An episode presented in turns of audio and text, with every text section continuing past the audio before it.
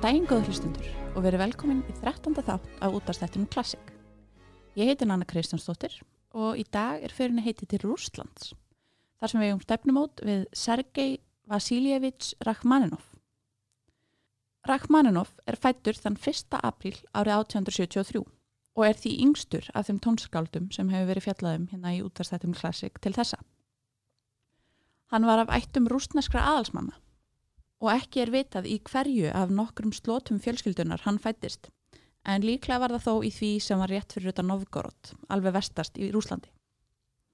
Fjölskylda hans var sannkallað Old Money, nafnið Rachmaninov má reykja aftur til 15. aldar, en forfæði Rachmaninovs Vasilije Vasiljevits, sem var sonur krónprins Moskvu og krónprinsessu Moldavíu, fekk viðnefnið Sálati, sem er á rúsnesku Rachmanín. Fóreldrar Rachmaninovs voru annars vegar liðsfóringi í rúsneska hernum og dóttir Ríks herfóringja. Svo Ríks að heimannmyndur hennar var kvorki meirinn að minna en fimm landaregnir. Alls egnuðist hjónin sex börn, þrjá stráka og þrjá stelpur og okkar maður var nú með fjögur í rauðinni. Rachmaninov byrjaði að læra á píano þegar hann var fjör ára gammal og síndi strax undraverða hæfileika, sérstaklega var hann góður í að læra utanbókar. Fjölskyldan bjó á landaregninni við Norgorod þar til Rachmaninov var nýjára, en þá þurfti fjölskyldan að flytja til Santi Pétursborgar, þar sem fadir hans þurfti að selja eignina við Norgorod á uppbóði. Rachmaninov bar föður sínum ekki góða söguna, sagði hann vera ógeðslega mannesku, legara, háðan fjárhættuspilum og að hann hafi raðhaldið fram hjá konunni sinni. Auk þess drakk hann eins og villisingur og þessi miður ákjásanlegi lífstíl var til þess að fjölskyldan var nánast gjaldfróta þurft að selja allar eignir sínar og flytja í litla íbúði samt í Pétursborg. Rachmaninov hóf tíu ára nám við tónlistarakademíuna þar í borg, þar sem Pjotr Tchaikovsky hafði stundan nám um það vel 30 árum áður. Árið setna lést Sofía, sýstir Rachmaninovs, úr barnaveiki og það var kortnið sem fylgdi mælinn í sambandi fóldrarans. Móður hans kendi föður Rachmaninovs um hvernig komið var fyrir fjölskyldunni og það aðtilvill réttilega og rak hann á dyr. Hann flutti til Moskvu og Rachmaninov átti aldrei eftir að sjá föðu sinn aftur.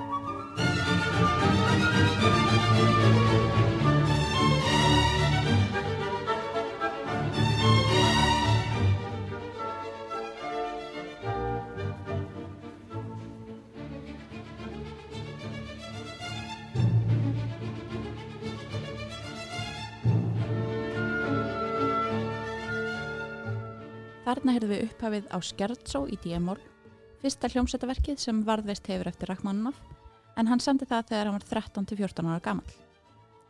1885 var fjölskyldan fyrir öðru áfalli þegar eldri sýstir Rachmaninoffs, Jelena, lést 18 ára gömul úr blóðskorti vegna B-vitaminskorts. Þetta var mikið áfall fyrir hinn 12 ára gamla Rachmaninov en hann og Jelena höfðu verið mjög náinn. Hún kvartan til tónlistariðkunar og kynntan fyrir mörgum af hans helstu áhrifavöldum og ídólum í tónlist. Þar á meðal aðal átrúnagóði hans, Tchaikovsky. Í kjölfarið misti hann áhuga á náminu, var latur og andlus og fjall á prófum. Þá var grefið til þess ráðs að senda Rachmaninov til engakennara. Hinn stránga Nikolai Sverev sem var mjög náinn vinur Tchaikovskys. Því hefur jáfnvel verið haldið fram að þeir hafi verið aðeins meirinn bara vinir. Rachmaninov flutti inn til Sverevs og bjó hjá honum í fjögur ár. Þar voru strángar reglur og hver einasta mínúta var skiplöð. Rachmaninov átti alltaf að vakna kl. 6 á morgnana, þá hafði hann 25 mínútur til þess að undirbúa sig. Þar af var reiknað með 2 mínútum til að þó sér um hendurnar, 30 sekundum til að koma sér að píanónu og eftir það átti hann að æfa sig í klukkutíma. Það er ekki hægt að segja að Rachmaninov hafi notið dvalarinnar hjá Sverev en undir strángri handleðslu hans varði Rachmaninov að einum færasta pjánuleikara síns tíma. Honum tóks líka að næla sér í styrk til náms og hóf árið 1887 nám við tónlistarakademíuna í Moskvi. Rachmaninov og Sverev, sem þegar hér er komið við sögu var ekki lengur kennari hans, heldur meira eins og ráðgjafi eða umbóðsmaður, slitu samskiptum árið 1889, þar sem Sverev var mjög á mótið í að henn 16 ára gamli Rachmaninov hefði áhugað á saði það heimskulega tímaðislu og hann ætti að innbytta sig að því að vera pínuleikari. Sveref neyta að tala við Rachmaninov í nokkur ári kjölfarið.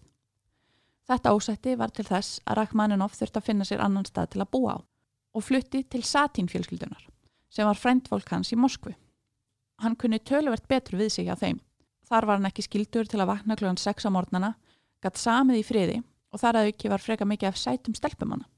Þar á meðal fyrsta ástinnans, Vera, dóttir nágranna hjóna. Fóreldrar hennar voru þó mótfallin sambandi þeirra svo að það varði ekkert úr því. Satín fjölskyldan átti sveitasetur sem hétt Ívanovka setrið og Rachmaninov leið hvergi betur enn í sveitasælinni þar. Honum lág mikið á að klára skólan til að geta byrjað að semja af alvöru og baðum að fá að útskrifast fyrr en áætlað var. Það var talið ósmanns æði en Rachmaninov tókst að klára öll próf á réttum tíma og það með glæsibrag þrátt fyrir að hafa smitast af malaríu og verið á tímabili á milli heims og helju. Hann útskrifaðist frá tónlistarakademíun í Moskvu í mæ 1892, 19 ára gammal. Það sömar þegar hann naut lífsins á hennu friðsala Ivanovka setri samti hann preludíu í sísmól, eitt af hans frægustu verkum. Innblásturinn voru kirkjuklukkurnar í Domkirkju Heilags Basils í Kremlinni í Moskvu sem hann heyrði á hverjum degi þegar hann nam við tónlistarakademíuna.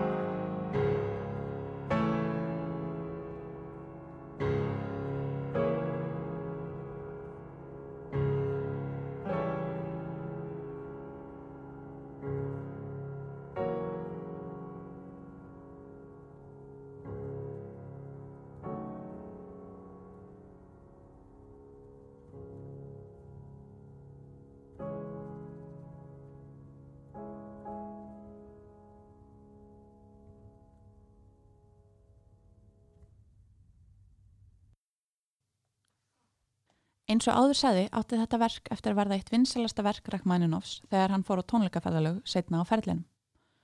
Og sigrar hins unga Rachmaninoffs voru fleiri. Því um svipa leiti var fyrsta óperan hans, Aleko, frumsýnd í Moskvu og engin annar en Tchaikovsky var í salnum. Rachmaninoff var fyrir síninguna gjörsamlega meður sín þar sem hann var vissum að hún yrði algjört flopp og hann efaðist alveg svakalega um sjálfan sig, ósýður sem hann átti aldrei eftir að vaksa upp úr. Frumflutningurinn gekk hins vegar alveg með indæmum vel og Tchaikovsky var yfir sér hrifin. Sveref gamli var líka í salnum og var svo stoltur af gamla nefnda sínum að hann gaf honum gullúr og þeir grófu stríðsöksina. Árið setna báru strakk Maninoff þær fréttir að hans ástkæra fyrirmynd og átrúnaðargoð Tchaikovsky hefði fallið frá eftir stutt veikindi. Þessar fréttir fengu á hann og marka upphafið af líklega erfiðasta tímabili lífsans. Hann var þunglindur og átti erfitt með að semja og fekk ekkert út úr því að koma fram á tónleikum og forðaðist það. Hann lendi þar að leiðandi í fjárhagskrökkum og neytist til að selja gullúrið sem Sveref hafði gefið honum. Hann reyndi þó sitt besta til að semja og eftir tvö ár af blóði, svita, tárum og rittstýplu tók honum loks að ljúka við fyrstu symfoníu sína, symfoníu nr. 1 í D-mól. Hann batt miklar vonir við að nú myndi gæfan snúast honum í hag. Því meður varð honum ekki að ósksinni því að symfonían var algjört flopp þegar hún var loks frumsýnd í Santi Pétursborg árið 1897. Ekki hafði tekist að æfa hana almennilega og margir töldu eftir á að stjórnandin sem var annalaður alkoholisti hafi verið fullur. Það breytti því samt ekki að gaggrindur gjörsamlega hökkuða hana í sig. Eitt þeirra líkti henni við biblísku pláutnar tíu og sagði að það veri líklega svona tónlist sem hljómaði fyrir eirum þeirra sem dúsuðu í innstu kímum helvítis. Sinfonían var ekki flutt aftur á meðan Rachmaninoff livði en nýtur mikill að vinselda í dag og er talin sína vel sérstöðu og snilli Rachmaninoffs og er príðiskott dæmi um ágætti rúsneskar symfoníuhefðar. Þetta flopp var svo mikið áfall fyrir Rachmaninoff að hann læðist í þryggja ára langt þunglindi þar sem honum tókst ekki semja neitt. Sjálfur sæði hann að honum liði eins og manni sem hafi fengið heilablóðfall og hefði engin nót fyrir hvorki höfuðsetni hendur. Hann aflæði sér tekna með því að kenna og einstakka sinn um stjórna og náði inn á milli að koma sér aftur á stryk hvað varðaði tónsmíðar. Hann meira segja trúlaugaði sig á einum tímapunkti, Natalíu Satínu, reyndar var hún dóttir frendfólksans sem hann hafði áður búið hjá, Satínhjónuna. Bæði fóldrar hennar og réttrúnaði kirkjan voru á móti trúlaugunni í ljósi þess að þau voru sískinaböld og þau nýttust til að slíta henni. Þetta hefði ekki góð áhrif á þunglindið og reittstýpluna og á tímapunkti greip Franka Rachmaninoffs til þess örþrifaráðs að byggja Leo Tolstói, einn merkasta ríthöfundur Úslands og bara mannkinsögunar allrar, til þess að hitta Rachmaninoff og hvetjandi dáða. Þrátt fyrir að Rachmaninoff væri einlægur aðdandi Tolstóis þá gerði þetta lítið til að hjálpa honum og þunglindið hjælt enn heljargreipum um Rachmaninoff. Í byrjun árs árið 1900 hafði Rachmaninoff svo lítið áleta sjálfum sér að það stemdi í óefni og hann leitaði sér loksins hjálpar. Hann gegst bæði í gegnum sálfræði meðferð og dáleðslu meðferð og sömarið 1900 fann hann loksins aftur löngununa til að semja. Afröðin var eitt frægasti pianokoncert sögunar, pianokoncert nr. 2 í Sémól sem Rachmaninoff tilengaði lækninum sínum sem hjálpaði hann að komast yfir þunglindið, Nikolai Dahl.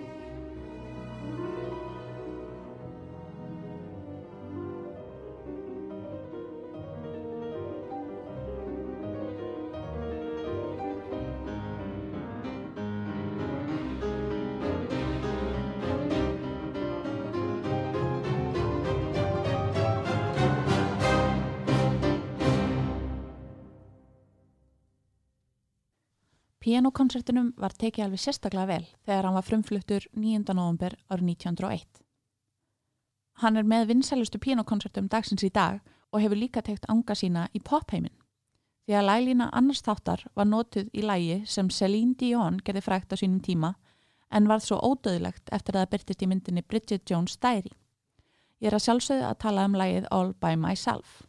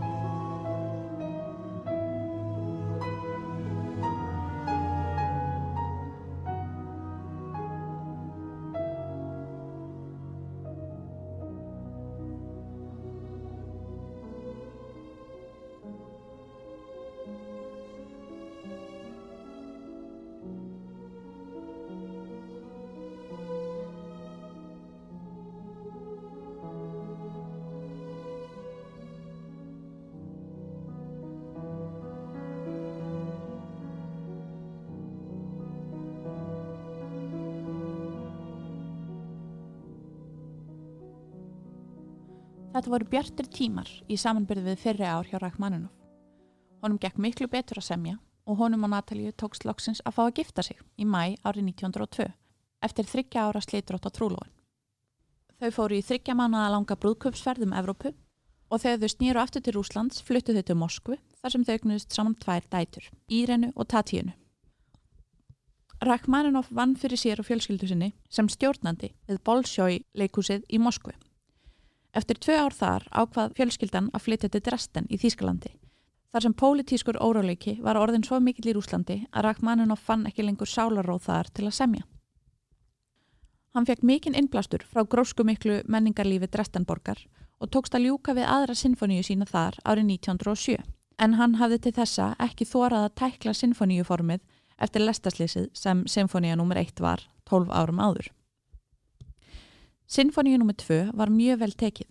Hann fekk meira segja velun fyrir hana og það sem meira er fekk hann meira álit á sjálfum sér og sjálfsöryggi í tónsmíðum. Þegar fjölskyldan snýri aftur til Rúslands árið 1909 böðst Rachmaninoff tækifæri til að feta í fótsport Tchaikovsky og fara í tónleikaferðarlega um bandareikin. Þetta þótti Rachmaninoff mikill heiður og í tilefni tónleikaferðarlegsins samdan annan pianokoncert, sá var nummer þrjú og í D-mól.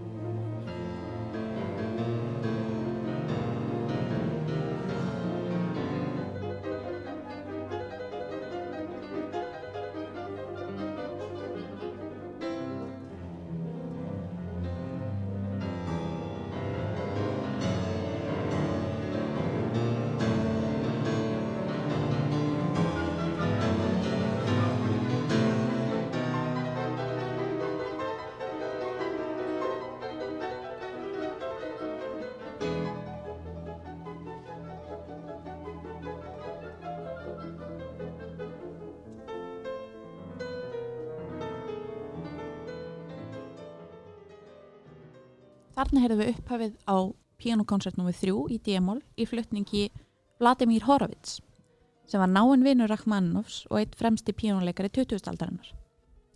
Um flutning Horowitz á pianokonsertunum sínum saði Rachmaninoff að það væri nákvæmlega svona sem hann hafi séð fyrir sér að þetta flytjan en hann hefði ekki átt vonaði að verða vitnið að svona flutningi hér á jörðunniðri. Rachmaninoff spilaði alls 26 tónleika um öll bandaríkinn frá november 1909 til februar 1910 en hafnaði tilbóðum um meiri vinnu í bandaríkinum því hann vildi ekki vera of lengi í burtu frá fjölskyldu sinni og hann saknaði Rúslands. Í Rúslandi var heldur betur farið að hitna í kólunum og í Evrópu allri og árið 1914 bröst út stríð. Rachmaninoff var nefnilega af þeirri kynnslóð sem var svo ótrúlega heppin að fá að upplega báðar heimstyrjaldirnar. En þar sem Rachmaninoff var á þeim tíma tónlistastjóri við stúlknaskóla í Moskvu, slapp hann við herskildu. Hann reyndi þó að gera sitt með peningagjöfum og hjælt ófáa tónleika til styrtar særðum hermunum. Í februar 1917 braust út bylting í Rúslandi, þar sem rúsneskur almenningur hafi fengið sér fullsattan af stjórnarháttum keisara Rúslands, Nikolásar Annars Rómanov, og var ósattur bæði við aðstæður sínar en mikil fátækt ríkti í Rúslandi á þessum tíma og hversu illa rúsum hefði gengið í fyrirheimstyrildinni. Allir sem hafa séð myndina Anastasíu eða þættina um Rómanov-ættina á Netflix vita hvernig þetta endaði fyrir það ágættu fjölskyldu. Rachmaninoff undi sér illa innan um uppþótt og bissuskot sem hann heyrði reglulega fyrir utan íbúðuna sína. Kortnið sem fylgdi mælinn var þegar familían ætlaði að finna innri frið á Ivanovka bílinu yfir sömarið eins og þau hefðu gert á hverju sömri til þessa en byltingasinnar hefðu komið sér fyrir á bílinu og skilja það eftir í rjúkandi rúst. Í kjálfarið ákvað Rachmaninoff að yfirgefa Rúsland. Fjölskyldan lagði á stað til bandaríkjana í vonum friðsætla líf í desember árið 1917. Rachmaninoff 44 ára, Natalia í kringum færtugt og dætur þeirra 14 ára og 10 ára. Rachmaninoff átti aldrei eftir að snúa aftur til sinnar ástkæru fósturjörðar og talaði eftir þetta um að hann ætti sér ekkert föðurland og að honum liði sem hann væri heimilislaus. Fjölskyldan eitti rúmu ári á flakki um Skandinavíu þar sem Rachmaninoff hjælt tónleika en sildu svo yfir hafið til New York í november árið 1918.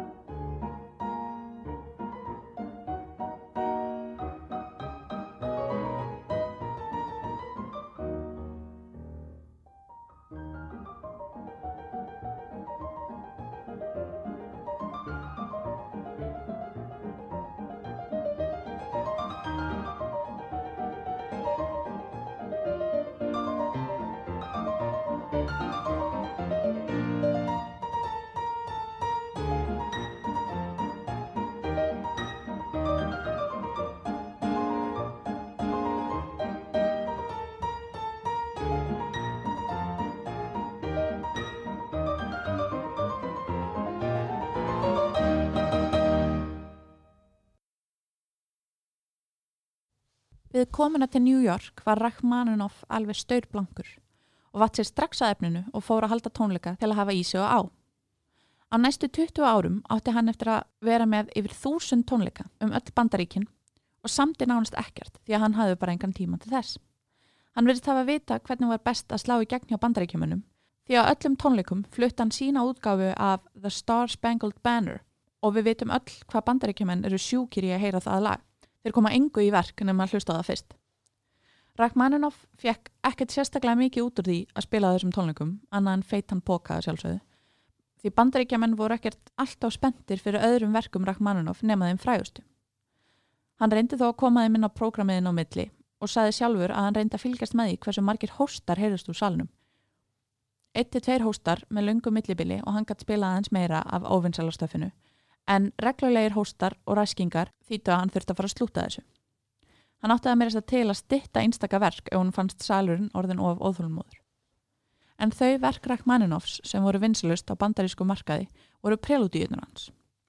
Við heyrðum eina þeirra, þá í sísmól í upphafi þáttarins, en eftirfarandi preludía í gemól var ekki síður vinsal.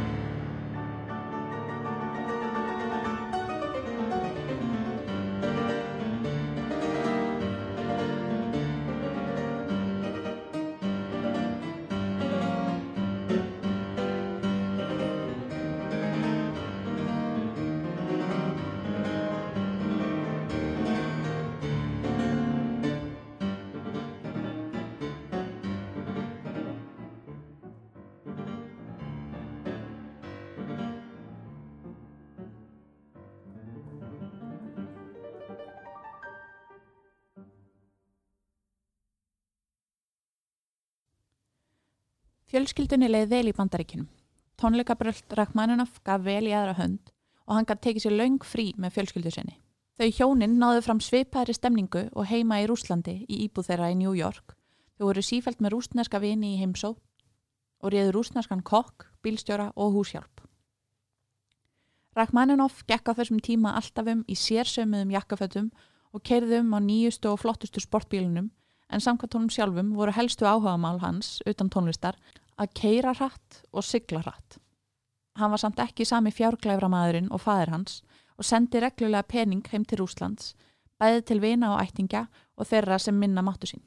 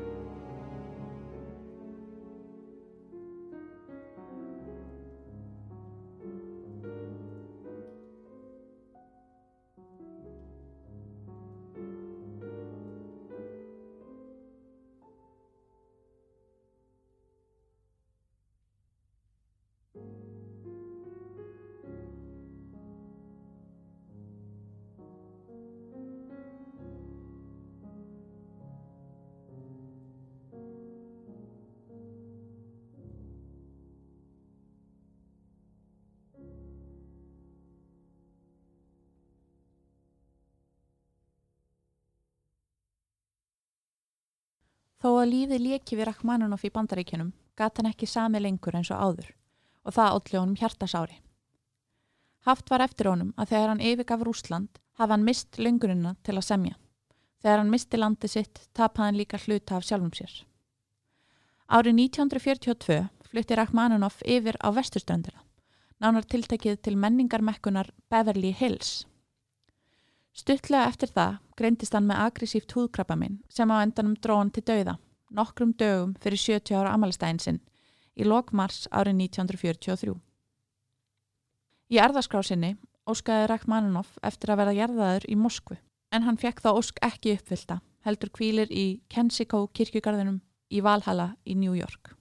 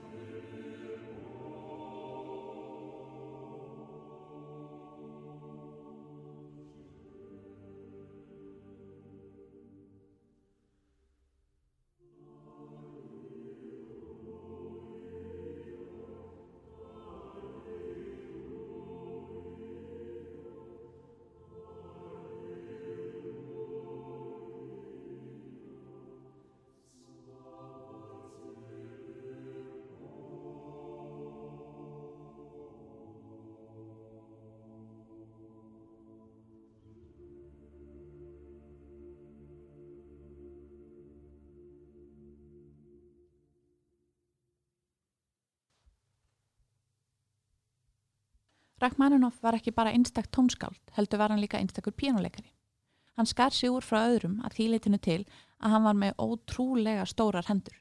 Svo stórar að því hefur verið haldið fram að hann hefur mögulega verið með Marfan syndrom sem lýsi sér í ótrúlega lungum útlumum. Fjarlæðin frá þumli að litlafingri á honum var rúmir 30 cm.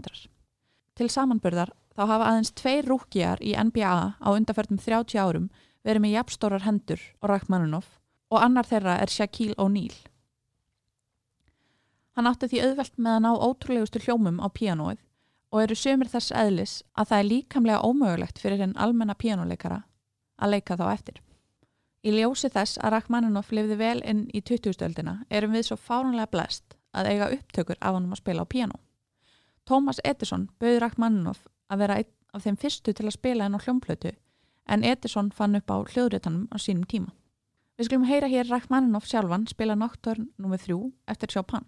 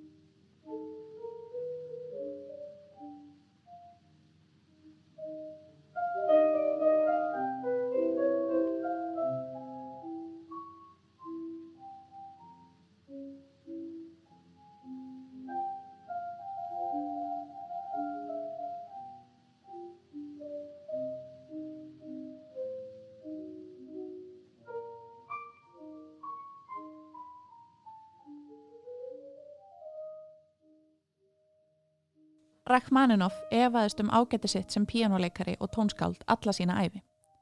Hann stóðst aldrei sínar einn kröfur. Í tónlist Rachmaninoffs mætast nýji og gamli tímin á alveg einstakann máta, en fljótlega eftir tíma Rachmaninoffs örðu kaplaskil í klassíski tónlist, þar sem hún þurft að víkja úr fyrsta sæti fyrir öðrum tónlistastefnum á borðu jazz, blues, R&B, rock og síðar pop.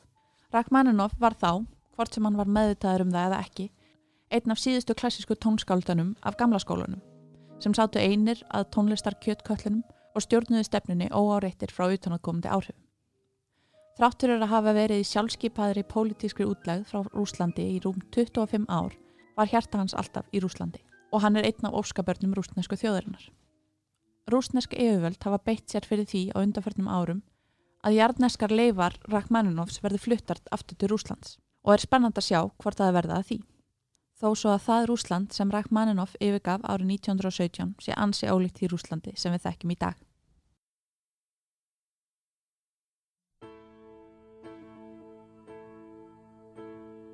When I was young I never needed anyone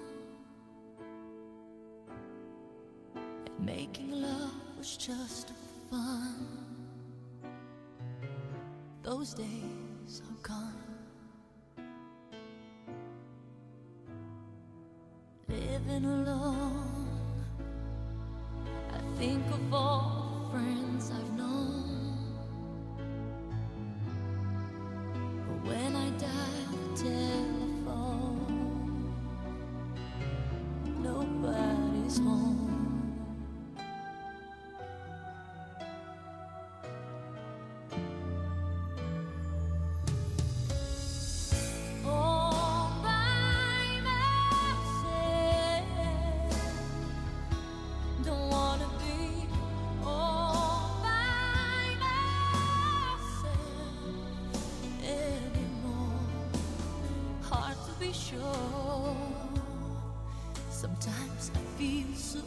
insecure.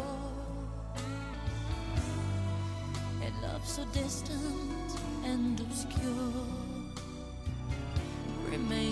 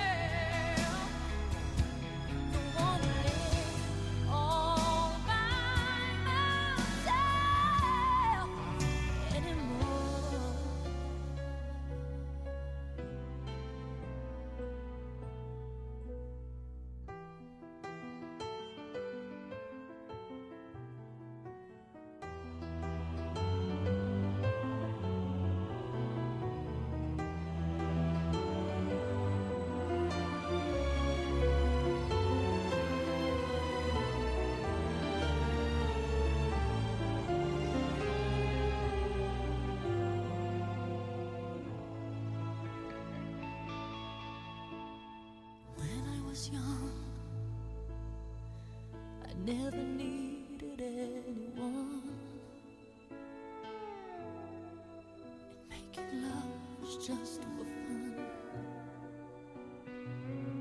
Those days are gone.